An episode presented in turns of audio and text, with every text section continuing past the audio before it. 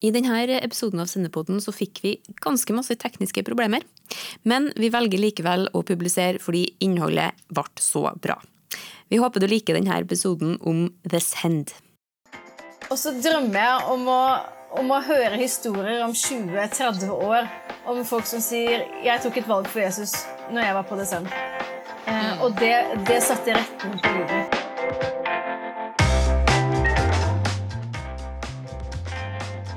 Den 25. juni arrangeres The Send på Telenor Arena. Det er en kjempestor happening med møter og lovsang tolv timer i strekk. Og her blir alle som kommer utfordra til å gå all in for Jesus og engasjere seg i et misjonsfelt i etterkant. Men hva betyr det egentlig å gå all in? Hva kan man engasjere seg i? Og hvordan gjør man det her på en sunn måte? I denne podkasten snakker jeg med Andreas Nordli og Anne Lent Sperru fra Ungdom i oppdrag. Sammen med en rekke andre organisasjoner har de ansvaret for The Send Norway.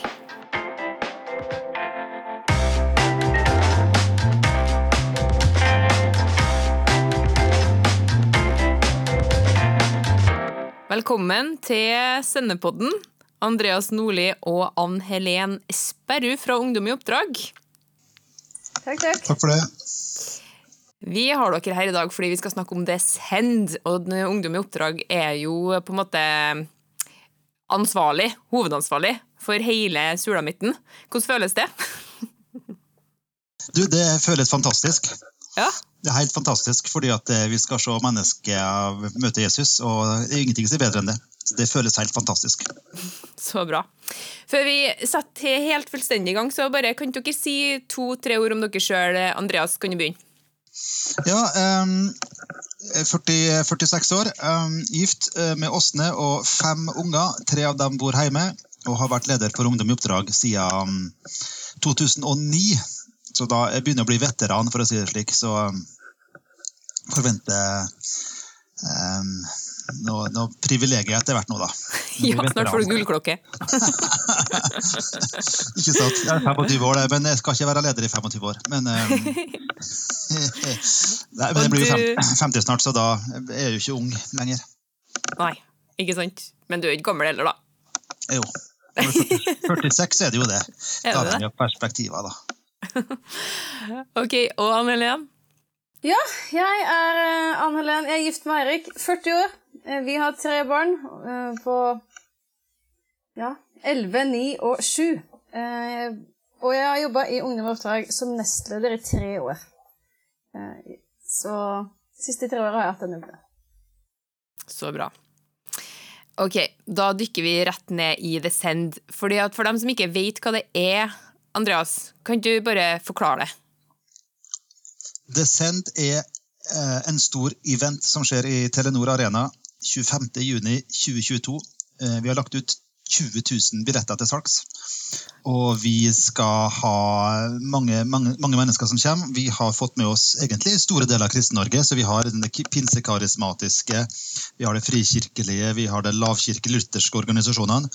Og nå, det her er jo, jeg kan jo liksom si for første gang offentlig nå, for det har jeg aldri sagt før, um, at Den katolske kirke har også sagt ja til å være med. Norges Wow! katolske ungdom. Det har vi ikke gått ut med offentlig, men det Så kult! kan vi jo si her, da. Det er Så da har vi liksom eh, har vi så, Og målet med Descent er jo å, å, å formidle Guds hjerte for nabolag, for, eh, for skoler, studiesteder, for vanskeligstilte barn og misjon. Og så koble folk på det som Gud gjør, og allerede gjør, og engasjere unge mennesker og gamle mennesker til, eh, til å si ja til det. da. Mm. Eh, er det liksom eh, For Descent har vært arrangert andre plasser i verden før. Du, det Første gangen i eh, USA 2019, på en stadion, da samla de eh, i overkant av 50 000 mennesker. Og så skjedde det i, eh, i, i Brasil februar 2020, et par uker før pandemien. Ja. Og da eh, havna de tre stadioner samtidig, 150 000 Ja. mennesker. Klart at Brasil eh, er jo eh, litt annerledes enn Norge, for å si det slik. Um, de har jo en sånn sta kristen stadionmøtekultur. Det har jo ikke vi i Norge. Nei, ikke sant. Så, um, men um, Så det er, også, det er faktisk da tredje gangen det skjer. Ja. Det ja. Så første gangen i Europa, i, i Norge. Forventer dere at det kommer folk fra utafor Norge òg? Ja. Det kommer ganske mye folk fra Norge. Jeg var, sjekka eh, nå i stad, bare billettsalget. så det solgte, vi solgte, I går så solgte vi 38 billetter fra Estland. Så det Nei, så kommer en buss, en buss fra Estland. Så kult! Nei Hvor da, mange nei, men, billetter? eh, men eh, vi, vi, vi, eh, det, kommer folk fra, fra hele Europa. Vi, vi har solgt billetter allerede fra 15-20 land i Europa. Ja. Hvor mange billetter er solgt eh, nå, da? Du, nå har vi akkurat vi har passert eh, 2000 ordinære, altså ordinære billetter som er solgt. Mm. Og så har vi en del billettsalg gjennom samarbeidspartnere i Europa. Og så har vi en del billettsalg gjennom bussreiser lokalt. Og en del billettsalg gjennom organisasjonene. Så det nøyaktige antallet har jeg ikke, men anslår tre og Tre, kanskje? 3005, 3003, 3002? Jeg vet ikke helt. Hvor mange, altså Det er plass til 20 000. Dere har lagt ut 20 000 billetter. Det er enormt ambisjonsnivå. da. Ja, Hva har du trua for? Nei, det, det jeg vet ikke om jeg har tro for eh, et sånt tall, men vi har et budsjett på 10 000, da. Ja, Så dere må selge 10 000 billetter? Ja da, men, eh, men eh, også mm, i norsk målestokk, om du blir 5000, så er det et enormt høyt tall i i Ja. Norge uansett. Så Nei, men jeg tipper, så spør du meg, eh, et eller annet sted mellom 5000 og 15 000. Ja. Da er det ganske bredt gress. Da har du helgardert deg, Andreas. Fa- Fare for, å, fare for å treffe målet, da, når du sier det. Men eh, eh, altså, det her er jo en sånn kjempesvær eh, organisering. Eh, og eh, sånn som jeg skjønte, så har det vært sånn pre-gatherings eh, litt rundt omkring i Norge og, og Europa, eller? Vi Så at man, masse, hva som skjer der? Pre-gatherings er egentlig bare en smakebit. Vi, har, vi kjører pre-gatherings. Det kommer akkurat fra England og har hatt pre-gatherings der. Ja, Og ifra Hellas faktisk nå. Um, og så skal jeg til Island om et par dager. er. Um, så det Nei, pre- Pre-gatherings er egentlig bare et, et møte hvor vi forkynner evangeliet, forkynner misjonskall um, om, å, om å følge Jesus helhjerta, og så be for folk som vil det. Så det er bare, og så smak, og så inviterer vi til Descend. Så det er en smakebit av Descend. Ja. Så vi, jeg tipper fra, Nå har vi kanskje ja, i hvert fall 50 pre-gatherings i Norge og Europa fram til Descend. Ikke sant? Er descend bare for ungdom? Um, nei, definitivt ikke. Men Descend er formidlingen når vi, har, når vi planlegger um, eventen. Det er jo et tolvtimers event som går nonstop non-stop uten pauser, så folk må jo bare gå og komme som de vil. Um, for så vidt. Men vi tenker oss en eh, person mellom 18 og 25 år um, som er på en måte målgruppa når vi, når vi, vi planlegger all formidling. Men vi ønsker veldig sterkt at det skal komme mange foreldre og besteforeldre. Fordi at det vil være med å skape en trygghet, det vil være med å skape eh, en bærekraft eh, i det. da. For det kommer til også, Hvis det vil bli la oss si 10 000 stykker, da, eller 8000, så vil det være massivt for kanskje hvis det kommer en 16-17-åring fra et sted som ingen har hørt om, så klart at da kan det være massivt. og Derfor er det viktig å ha alle generasjoner sammen. Ja, så bra. Um, Snakk om at det, det er um, eh, Det handler om liksom å, å eh, vekke opp folk litt, og liksom få folk til å skjønne at eh, eh, det å følge Jesus også handler om å gjøre ting for folk, på en måte. Um, hva kan man engasjere seg i etterkant? Anne Helen, kan du snakke litt om det? Jo, i etterkant, så, eller egentlig under dette møtet, så er jo da du kan få utfordring på seks ulike områder i, eh, som du kan på en måte svare ja på, eller bli med på eller engasjere deg i. Muligheter, sier de på norsk. Eh, og to av de, det er de som går eh, innover vårt eget liv. Den første er bønn. Og så er den andre også på en måte personlig. Den, er, den handler om bibellesing. Og så har vi fire sånne muligheter å bli med, som handler om, uh, handler om å, se utenfor seg selv. Uh, og da snakker vi om nabolag, og engasjere seg i nabolaget sitt, vennene sine. Uh, vi snakker om skoler og skolelag og sånne ting. Neste er misjon, eller den tredje av de utøver dette er misjon, og den siste er vanskeligstilte barn. Så det er på en måte, først er det litt sånn fokus på ditt eget liv, og så er det utad, rett og slett. Og det her er sånn, Jeg har hørt rykter om en app. Ja, ikke sant? Det er en app som eh, Når du kjøper billett, så kan du også laste ned en app. Eller når det nærmer seg dagen, så laster du ned appen. Så alle som kommer, har en app på telefonen sin. Eh, og når du, når, hvis du har lyst til å gi respons på et sånn eh, det vi kaller populært alterkall, eller en mulighet, er egentlig det vi kaller det. Hvis du har lyst til å gi respons, så kan vi ikke ha noen tusen kommer fram til scenen hver gang. Det funker på en måte litt dårlig. I hvert fall i forhold til oppfølging når det er så mye mennesker. Så da trykker du rett og slett ja i appen. Da kommer det opp i appen, så trykker du ja, og så blir du registrert på den måten. Og, Ja. Så det er på en måte måten vi tar imot, og folk sier ja, det her har jeg lyst til å gå- bli med på, det her har jeg lyst til å ha mer informasjon om. Det er egentlig greit. Du er jo ikke bundet til noen ting, men, men du, du kan være med på Det er jo lagd det jo lagd eh, for så vidt en app for, eh, for eh, og, og opplegg for bibellesing etterpå. At du kan følge bibelleseplan, at folk kan koble seg sammen og lese Bibel sammen. Eh, Det er en bønneapp som utvikles. Det er mye annet som, på en måte, som egentlig skjer året etter det sendt. Og det er det som er veldig spennende, syns jeg, da. Det er hva som skjer etter det sendt. Store happenings er gøy, det er ikke det. Men, eh, men det er oppfølgingen i ettertid som jeg tenker kan eh, virkelig gjøre forskjell. Og som kan Ja. eh, være godt eller, du, får, du får hjelp til å gå, da. Ut disse tinga. Du trenger ikke gjøre det alene. Det tenker jeg er Ja. viktig. Men eh, eh, det er jo liksom, hvis det kommer 10 000 ungdommer, da, så skal liksom hver enkelt ungdom følges opp. Eh, hvordan funker det? Går det an? Du, det er, det er rett og slett et enormt eh, opplegg vi setter i gang. Det er det jo. Ja, vi, har, vi, har, vi, har, vi har akkurat ansatt 20 stykker. Nei. Nei, men det, det, skal ringes, ja. Ja. Men det er jo der- men det er jo derfor vi har samarbeidsorganisasjoner. ja. Det, det spres jo ut. Men ja, F.eks. for eksempel på ett av disse områdene som, som jeg har ansvar for, eh, eller akkurat det lille området som jeg leder, det er under misjon så har vi tre forskjellige måte, nivåer du kan gå inn på. Den ene er jeg har lyst til å være med på en misjonstur, en korttidstur. Eh, Neste er at du sier ja til jeg har lyst til å gå på en misjonsforberedende skole. Og den siste er ganske stor. Den er jeg har lyst til å reise ut som langtidsmisjonær. Og så får man jo oppfølging i disse tingene. Men hvis du da, sånn som på den gruppen som jeg leder, har lyst til å være med på misjonstur, så, så får du først en, eh, en melding dagen etter hvor du ser alle typer team og alle, på en måte som alle samarbeidsorganisasjoner er med å arrangere. Og du kan melde deg direkte på den. Men, men eh, dagen etter så begynner vi å ringe opp alle som har sagt ja. Og da er det jo et ganske stort opplegg vi setter i gang, men alle skal bli ringt. Jøss, det er jo helt fantastisk. Men er det, er det kun Ungdom i oppdrag-folk som ringer rundt, allerede, eller er det alle organisasjonene som Det er de arrangere? organisasjonene som har sagt ja til å bli med på akkurat det feltet. Og det er jo ikke Ja. Alle 30 organisasjoner er med på hele. Og så er det noen som det er veldig naturlig, eh, organisasjoner som er naturlig, f.eks. Laget og, og Navigatørene. Det er veldig naturlig at de er med på skolelag. Men de er ikke med å arrangere korttidsmisjonsturer, f.eks. Så det, det, spørs litt, det spørs litt hvilken organisasjon det er, og hva som er naturlig å gjøre. Så på akkurat misjonsturer så er det AKTA, og det er Jesus Revolution, og det er eh, Det er Åpne dører og Frontiers Ungdom i oppdrag. Så der er vi fem. Eh, Og så Ja. er, og så er det andre på de andre eh, Ikke nødvendig. Akta er jo flere steder, f.eks., men eh, Ungdom i oppdrag er på flere av disse. Men det spørs litt hvilken organisasjon og hva de er på en måte spissa til. Ja.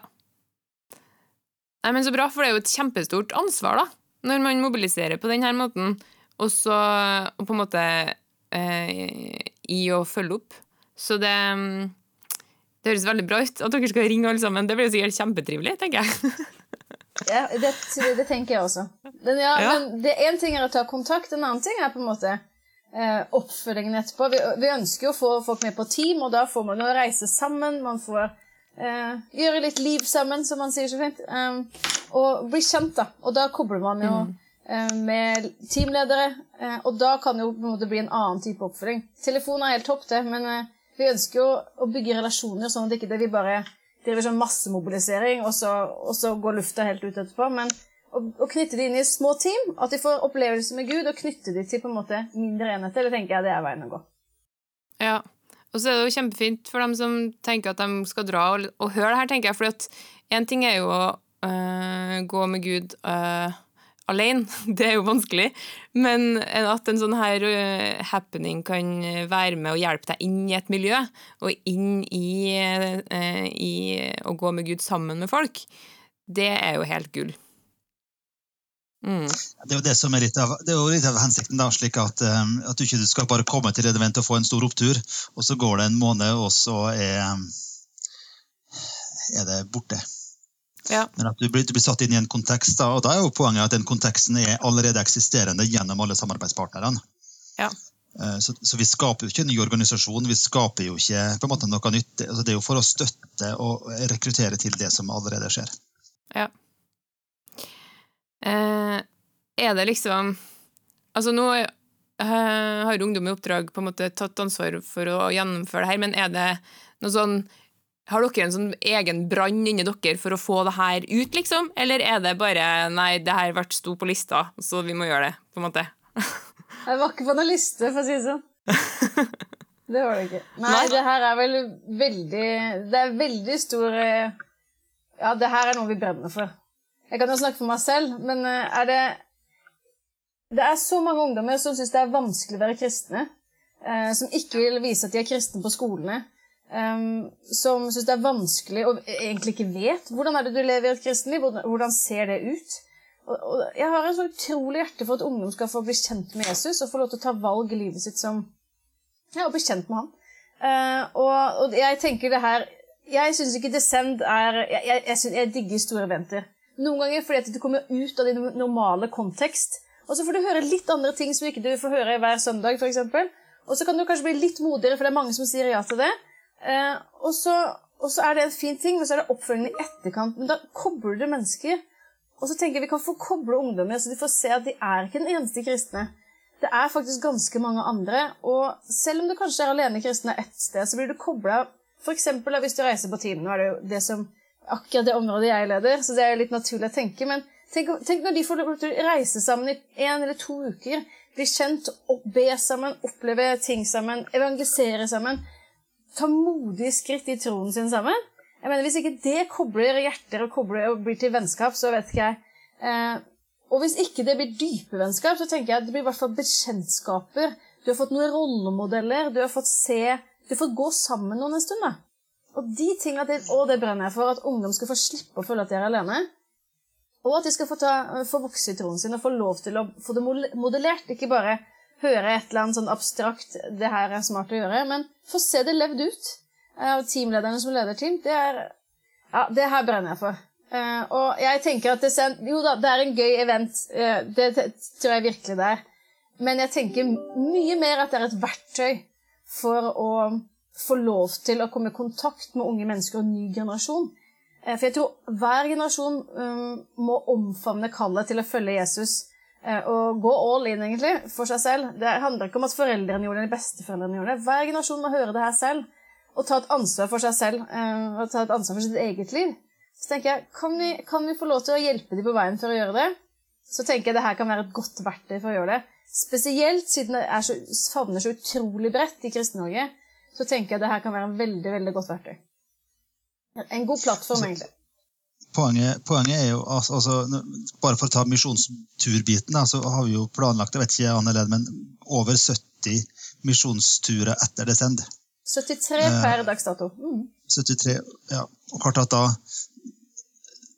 Med et gjennomsnitt på jeg vet ikke, 8-10-12 personer per team, og hvis det da blir fylt opp, så er det jo over nesten 1000 personer, norske ungdommer, som får lov til å, reise på misjonstur i løpet av den nærmeste tida.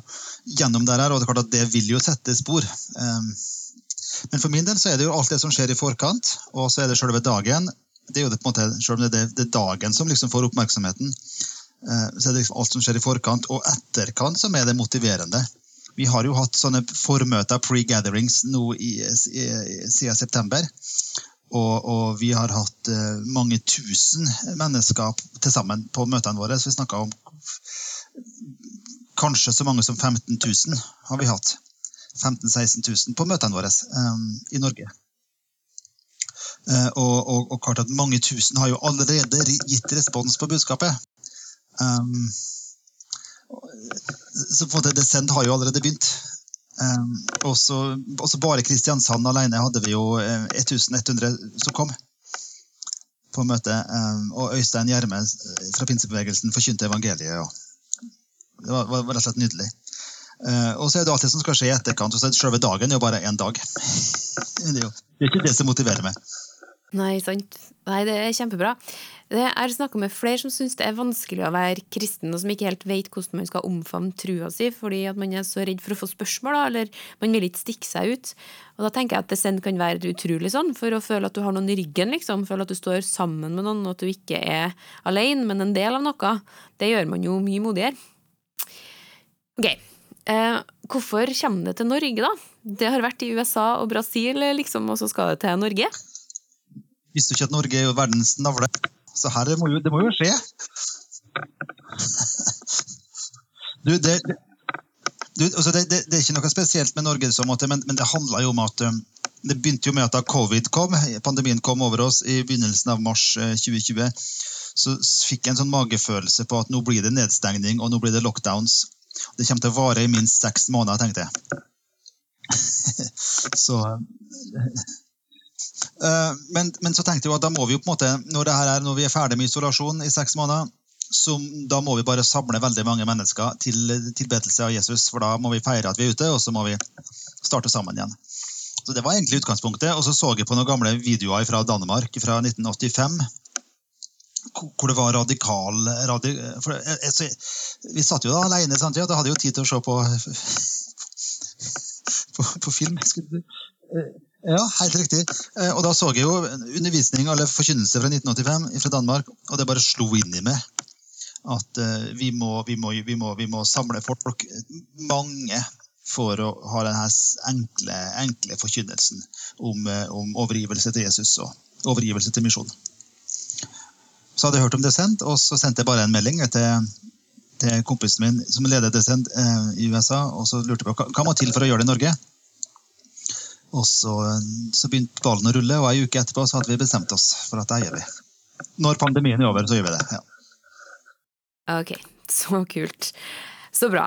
Eh, vi skal snakke litt mer om målet til Descend, og fra nettsida deres som jeg har gjort research på, så står det at målet til Descend er å gi mennesker radikal kallsformidling med fokus på etterfølgelse og tjeneste, og så skal folk få praktisk oppfølging og et tydelig neste steg. Men eh, hva mener dere med radikal kallsformidling? Andreas? Ikke Anne Helene heller svare på det. det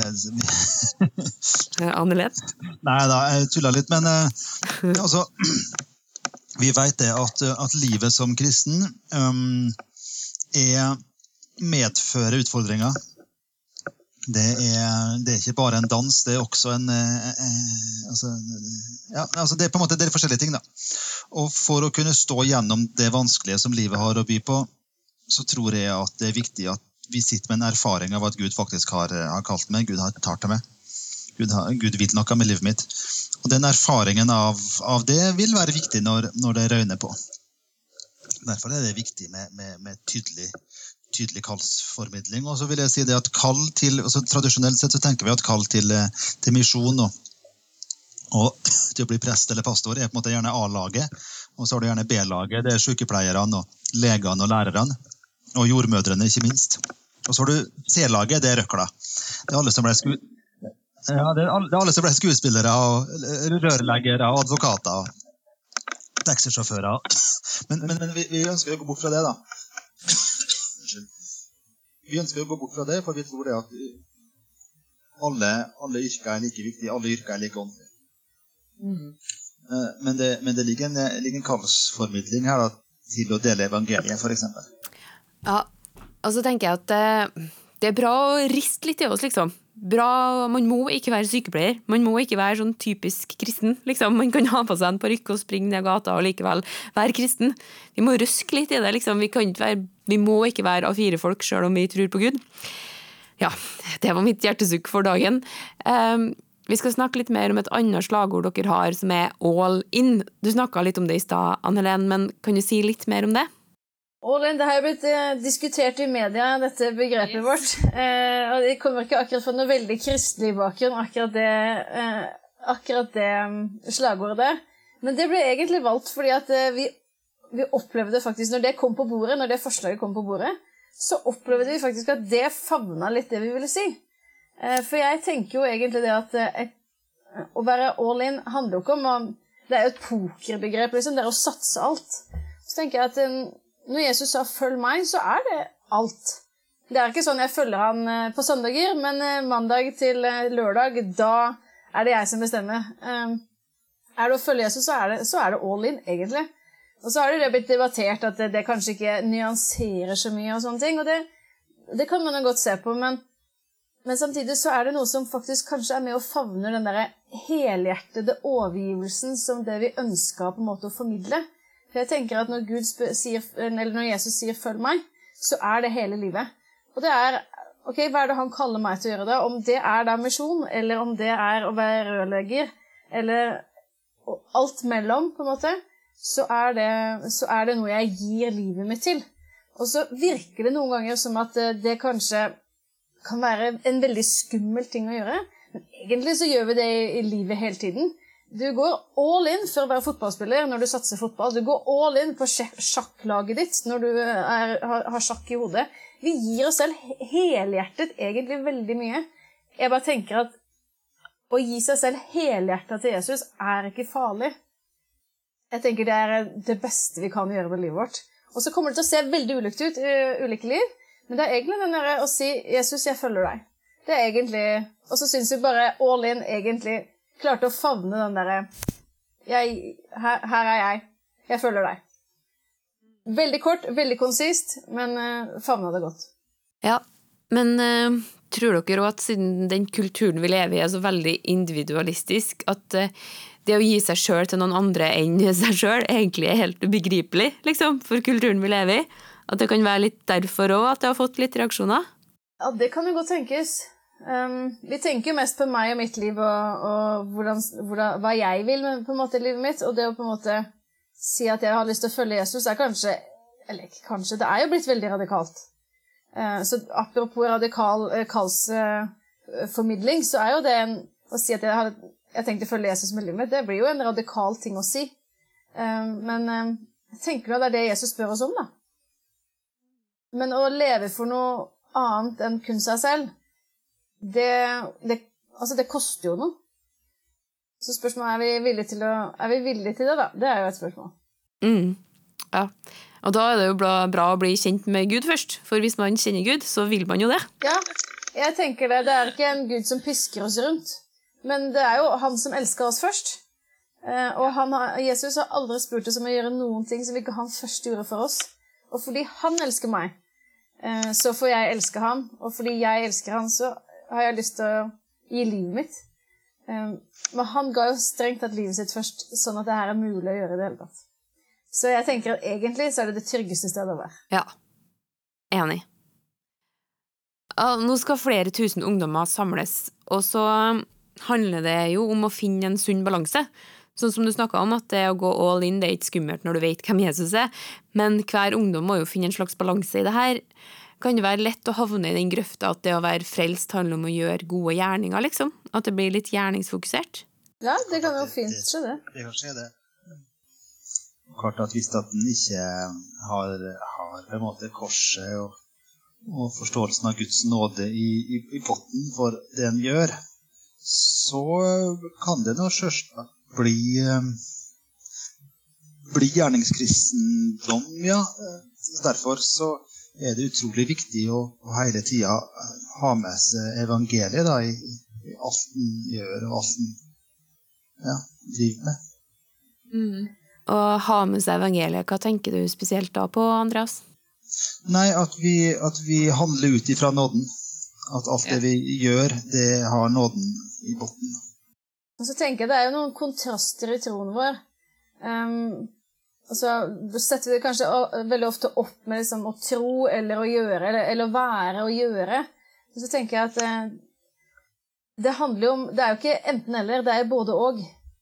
Fordi jeg får lov til å fordi jeg er elska, så elsker jeg tilbake. Og fordi jeg elsker, så får jeg lov til å være med og gjøre ting med Gud. Eh, så jeg tenker at de hører, de hører sammen. Du kan ikke liksom skille dem og si at det er for å bare være og bare liksom sitte og høre på musikk og synes at uh, og elske Jesus. Uh, min kjærlighet til Eirik Jeg kan godt sitte og stirre på han, han er en veldig kjekk mann, men, men, men det blir jo også handlinger. Altså, du, du, handler jo på kjærlighet også. Uh, og det er egentlig en veldig naturlig ting. Jeg tenker ikke, Du kan ikke skille det. Jeg kan ikke bare sitte og stirre på Eirik, og så skal han gjøre alt annet. det, jo, det, blir jo et samarbeid, det her, at hverdagen skal gå. Og, jeg, og man, man, viser kjærlighet. Uh, så jeg tenker at det her hører jo egentlig veldig naturlig sammen. Men så noen ganger så gjør vi det til sånne veldig kunstige kontraster. Um, for å bare være det, det veld, Og kanskje perioder, sesonger, så er det veldig viktig å være veldig den ene eller veldig den andre, kanskje. Men, men sånn over, over et liv så tenker jeg at det er veldig naturlig at de her er sammen. Men selvfølgelig, når du er baby, så, så er du ikke så veldig mye for noen andre. Du bare er, og så blir du elska for den du er. Og sånn er det i troen vår. tenker jeg. Noen ganger så bare blir vi elska for den vi er, og vi gjør ingenting for det.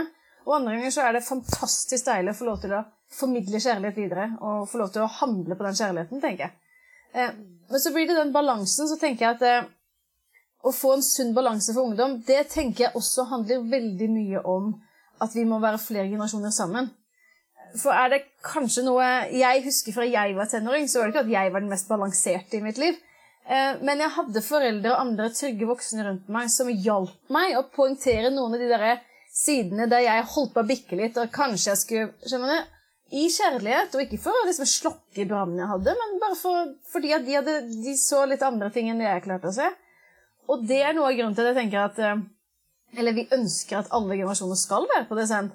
Fordi at eh, i vår ungdommelige iver så, så, er man ikke alltid balansert. Man har ikke levd et liv, man har ikke masse livskunnskap. Men, men det er der jeg tenker hvis vi kommer trygge voksne mennesker som elsker Jesus, som har sett mer, sett mer av livet, så, så, kan de være den sjølen som gir, gir, båten litt tyngde. Så når det blåser hardt, så tipper ikke hele båten for det er for stort seil, og man er for ivrig i, i hva man durer på med. sant? Så noe av balansen ligger i at jeg tenker at det er superviktig at vi eldre er villige til å gå med de yngre.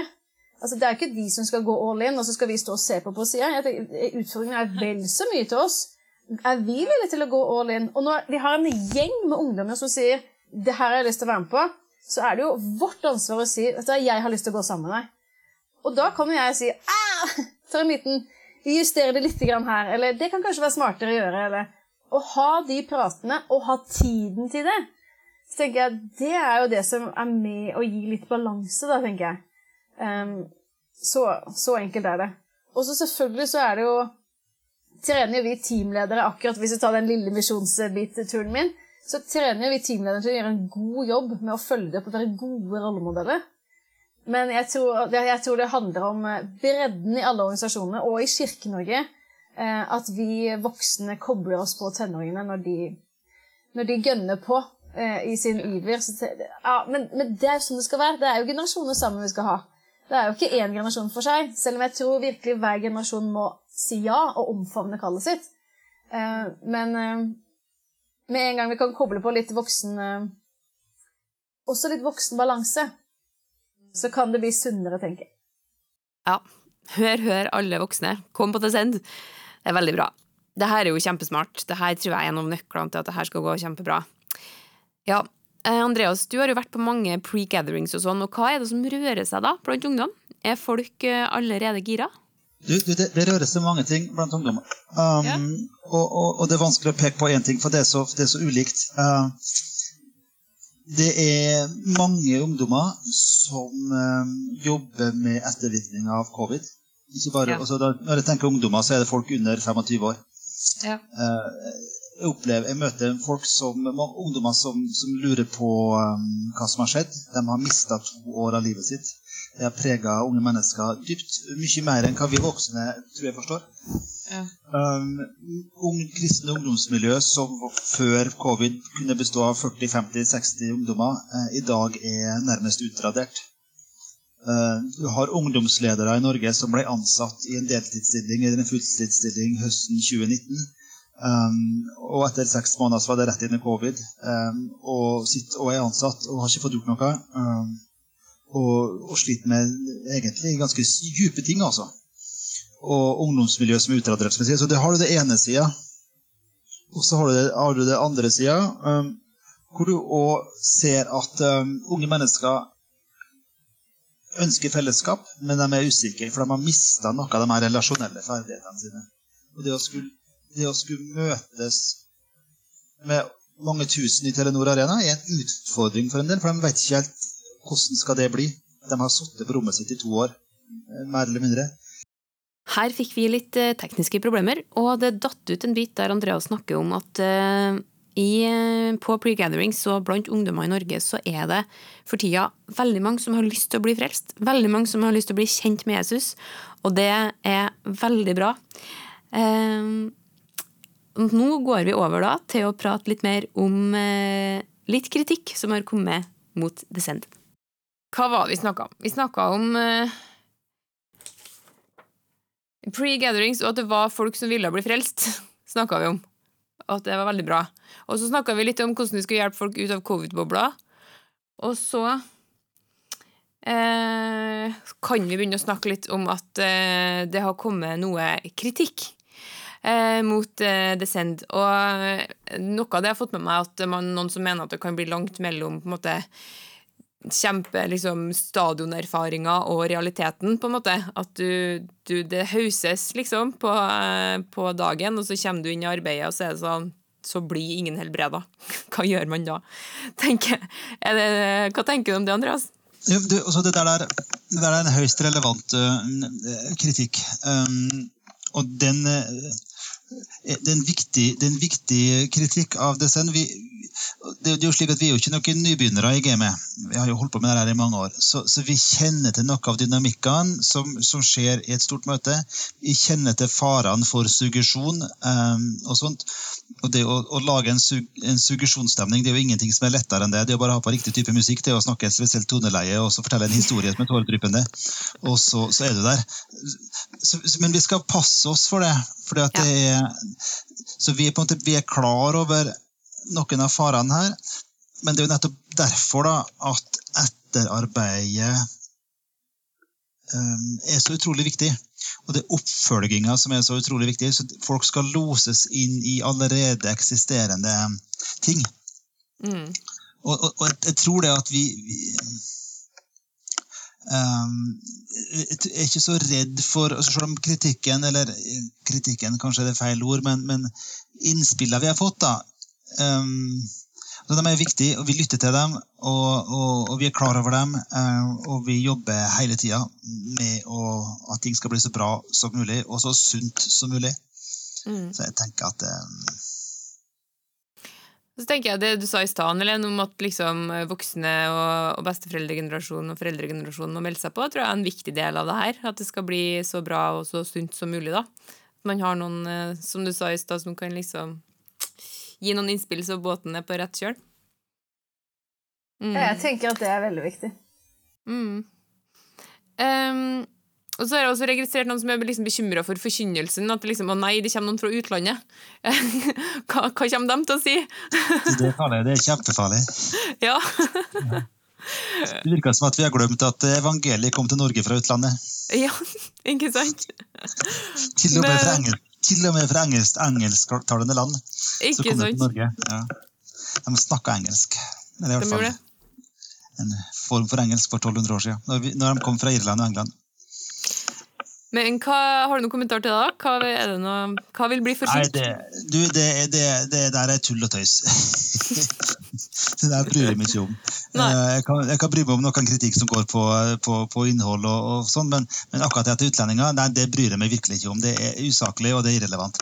Vi skal ha En tredjedel av forkynnerne er norsk, cirka, og en tredjedel er fra Europa, cirka, og en tredjedel er fra, Europa utenfor, er fra utlandet utenfor Europa.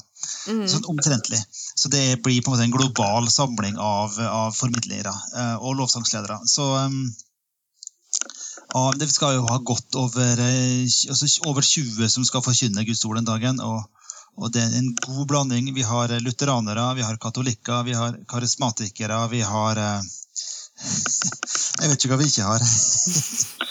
så, eh, og så er det fordi at det er tverrkirkelig, så vil det helt sikkert bli sagt ting som eh, en eller annen er uenig i, og, og da tenker jeg at ja ja, vær uenig du. Fint, det. Ja. Uh, tenker Det viktigste er jo Jesus her, yes. på en måte. ja. Nei, bra. Eh, hva tenker dere da om at det kommer litt kritikk og sånn? Er det, noe, er det noe av kritikken som dere tenker at har vært bra til å komme? Du, kritikken er jo i tre deler. Mm. Første delen var jo frykt for, for Trump og Bolsonaro. Uh, Ja, det var jo den første kritikken. Det er en usaklig kritikk. Den bryr vi oss ikke om. Jeg kan bare garantere at verken Trump eller Bolsonaro kommer. Um, si det med en gang. Um, kritikk nummer to handla om brente barn. Den lytta vi til. Den er viktig. Mm. Kritikk nummer tre handla om frykt for, for overdreven karismatikk. Mm. Den er ikke jeg så redd for, fordi at det er tverrkirkelig. og, og sånt. Så, men det som har med brente barn å gjøre, det er definitivt en legitim og det er en relevant kritikk. Mm. Som vi lytter til, og som vi har jobba med i Ungdom i oppdrag i mange, mange, mange år. Mm. Så det er ikke et nytt tema for oss. Um, så det, men det er viktig å lytte til de historiene. Det er viktig å ta det på alvor. Mm. Og noe av kritikken har også hjulpet oss å, å just, ikke justere på en måte innholdet i det vi sier, men det har jo f.eks. at det, det har blitt en diskusjon rundt all in, da, f.eks. Det har jo, har jo hjulpet oss å, å, å ordlegge oss på en måte som gjør at folk forstår faktisk hva vi mener med all in. At det er en helhjerta overgivelse. Etterfølgelse. eh, og så, så sånn sett så tenker jeg at mye av det som ble på en måte um, avisskriverier i fjor høst, egentlig var, var en fin måte å få, å få, å få rett og slett få klar, klarlagt eller klargjort en del av disse tingene, sånn at det ikke blir masse misforståelser nå. Veldig mye ble jo på en måte litt sånn vet ikke definert kanskje i fjor, uh, fjor høst, uh, og det tenker jeg er en fin ting. Mm. Ja, det kan jo være bra å få liksom bli tvunget litt til å se litt på egne refleksjoner og tanker og liksom formulere seg presist. Mm. Og noen ganger når du tenker at du har formulert det presist, så er, hører noen an- Fordi at du har jobba så mye med det, så er det ikke like presist for alle andre. Så da får du speila tilbake litt. Uh, og så får du, si, får du lov å si igjen da, jo, det, det her er det vi mener. Eh, Ja. Nettopp fordi at når du jobber så mye med eh, tematikk, så kan du nesten bli også litt blind, for du har så mye Ja, ja, ja. Det ligger så mye i et begrep for deg, men det vet jo ikke alle andre. på en måte. Nei. Ok, hva, Vi skal gå med til en avslutning, men før vi slutter, så bare, hva, liksom, hva er håpet og drømmene deres, for, og hva ber dere om at det send skal føre til? Det er mm, Jeg håper og drømmer og ber og ser egentlig for meg med mitt eh, indre øye, hvis jeg kan si det slik. En eh, generasjon eh, kristne i Norge og Europa. Og når jeg sier en generasjon, så mener jeg gamle og unge. Som ikke skammes over evangeliet.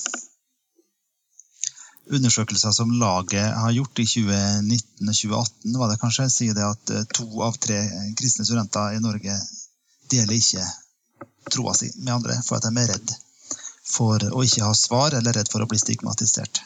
Mm. Um, det er en, en kjempetrussel for den kristne troa i Norge når vi ikke deler opp at vi er redd, eller fordi at vi er redd, ja. Så jeg drømmer om en generasjon eh, gamle og unge kristne i Norge som ikke skammes over evangeliet. Nummer to, jeg drømmer om en eh, bølge misjonærer fra Norge til, som reiser til andre land i verden der det ikke fins kirker og kristne. For å rett og slett formidle det som vi mener er verdens beste nyheter. eh, Evangeliet om Jesus. Um, og jeg mener at alle mennesker har rett til å få muligheten til å høre evangeliet. Så kan de sjøl gjøre seg opp en mening hva de syns om det.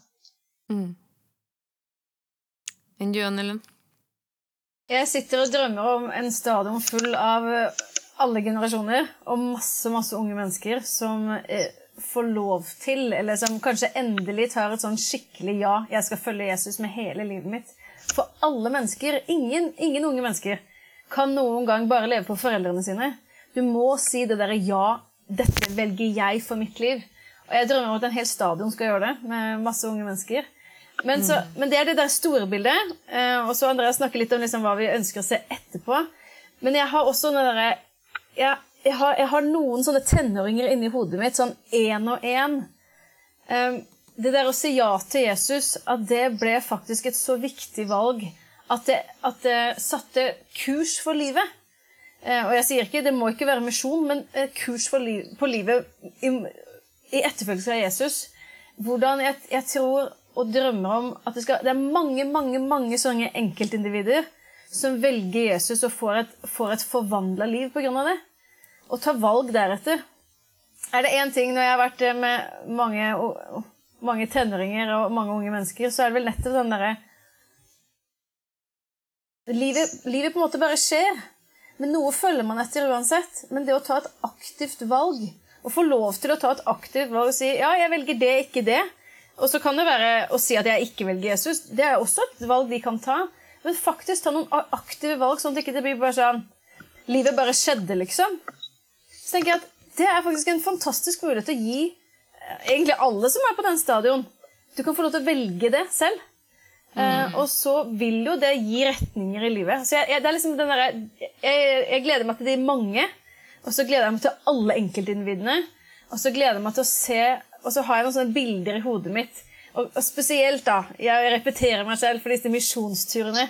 Jeg ser liksom sånne grupper på ti og ti ungdommer som får lov til å ta liksom, Som har reist da til Tyskland, eller de har reist til liksom Hellas, eller de har reist til noen av disse stedene vi reiser, skal sende et team til. Og så for første gang så får de lov til så, Eller de får lov til, det har de sikkert fått lov til alltid, men de tør å be høyt. For første gang så deler de eh, evangeliet med noen som aldri har hørt for. For første gang så tør de å fortelle, fortelle sitt eget vitnesbyrd til noen. Og, de, og så, jeg, så, kan man tenke at ja, det er bare en liten ting å gjøre. Men det er det ikke. Det er store trossteg i i et ungt liv. Og det er sånn jeg drømmer om. At ti, ti eller tolv stykk de reiser sammen, blir kjent, kobler hjerter, kobler tro og så står de sammen, og at de får bygge nettverk. Åh, sånne ting bare får meg til å boble. Men det er liksom noen av de tingene jeg ser sånn akkurat dagen, og da året etterpå vi skal sende et team. Og så drømmer jeg om å, om å høre historier om 20-30 år om folk som sier 'Jeg tok et valg for Jesus når jeg var på Descent'. Mm. Eh, og det, det satte retning på livet mitt. Det, det, er sånne ting jeg bare ser, det er det som jeg tenker gjør det her verdt det. For det her er ganske mye jobb. Det er jo ikke sånn, det er jo ikke bare vi bestemte oss, og så nå helt magisk så skjer det. Det her krever ganske mye ressurser. Mm. Og så mm. tenker jeg, men det her er så utrolig verdt tida og energien vi legger mm. ned i det her. Mm. Hvis det her er på en måte noen av resultatene vi kan se. Så det er noen av drømmene jeg har. Ja, det er veldig oppmuntrende å høre. Det er kjempebra. Jeg kjenner jeg blir litt gira sjøl, jeg. ja. ja. Du må komme, da. Du må komme, du òg, da. Ja. Ja, ta med hele familien. Ja, det kan um, er det noe, altså, eh, det her har jo, det har jo blitt arrangert i Brasil og USA. Er det noe vitnesbyrd derfra som det går an å ta med seg på slutten? liksom, Om ettervirkninger og positive ting som har skjedd? Ja da, det er det. Um, Utfordringa med Brasil var jo at de gikk jo rett i lockdown to uker etter ja. Descend. Um, så det, det, gjør jo at de, ut, Brasil har ikke fått fullt utbytte. Men, eh, men, det er jo masse utbytte. Eh, jeg var i England for litt siden, eh, og så traff jeg den engelske direktøren for en stor internasjonal misjonsorganisasjon, som ikke nødvendigvis er tett på ungdom i oppdrag. Men en bevegelse, en organisasjon som òg har et lite arbeid i Brasil. Og han hadde hørt om Descend ifra den brasilianske direktøren fra sin søsterorganisasjon. Og han brasilianske direktøren sa at Descend har ødelagt organisasjonen vår. For at vi har fått, eh, vi har fått eh, så mange eh, potensielle misjonærer at vi klarer ikke å følge dem opp. Oi. Så de hadde, to, de hadde, fått 200, og var det 250 navn som de skulle følge opp. Oi. Og hadde ikke sjans i havet. Mm. Så det hadde ødelagt administrasjonen deres. Oi, oi, Ødelagt i positiv forstand, da. Ja, ja. Nei da, men, men eh, så, så, det er sånn et eksempel bare. Um, du kan fortelle lignende eksempel om, om misjonsforberedende kurs i Brasil som fylte opp til randen i ulike organisasjoner. Jeg kan fortelle om, om, om flere, eh, altså stort antall skolelag som er starta i California, f.eks. For, eksempel, for der var det en samarbeidspartner etter Send i USA som bevisst gikk inn og, og starta skolelag der. Um, og brukte Descent som plattform for å rekruttere inn til sitt geografiske område. Mm. Masse sånne, masse sånne historier. Nei, så bra. Jeg gleder meg til, til hva det her kan bidra med. For jeg tenker at å gi ungdom en retning og mulighet til å ta valg for Jesus, og liksom og mulighet til å bare grave seg litt ned i hva det innebærer, og finne ut at det er veldig bra, det tror jeg er kjempeviktig. Ja. Nei, tusen takk for at dere var med på Sendepodden. Dette har vært en glede. Takk for at du hørte på Sendepodden. Mer spennende stoff finner du på sennep.net, og du kan også følge oss på Facebook og Instagram. Sendepodden finnes i den podkastappen du bruker, og hør gjerne også på våre to andre podkaster, Alvorspraten og Bibelkvarteret. Sendepodden alt annet enn overfladisk.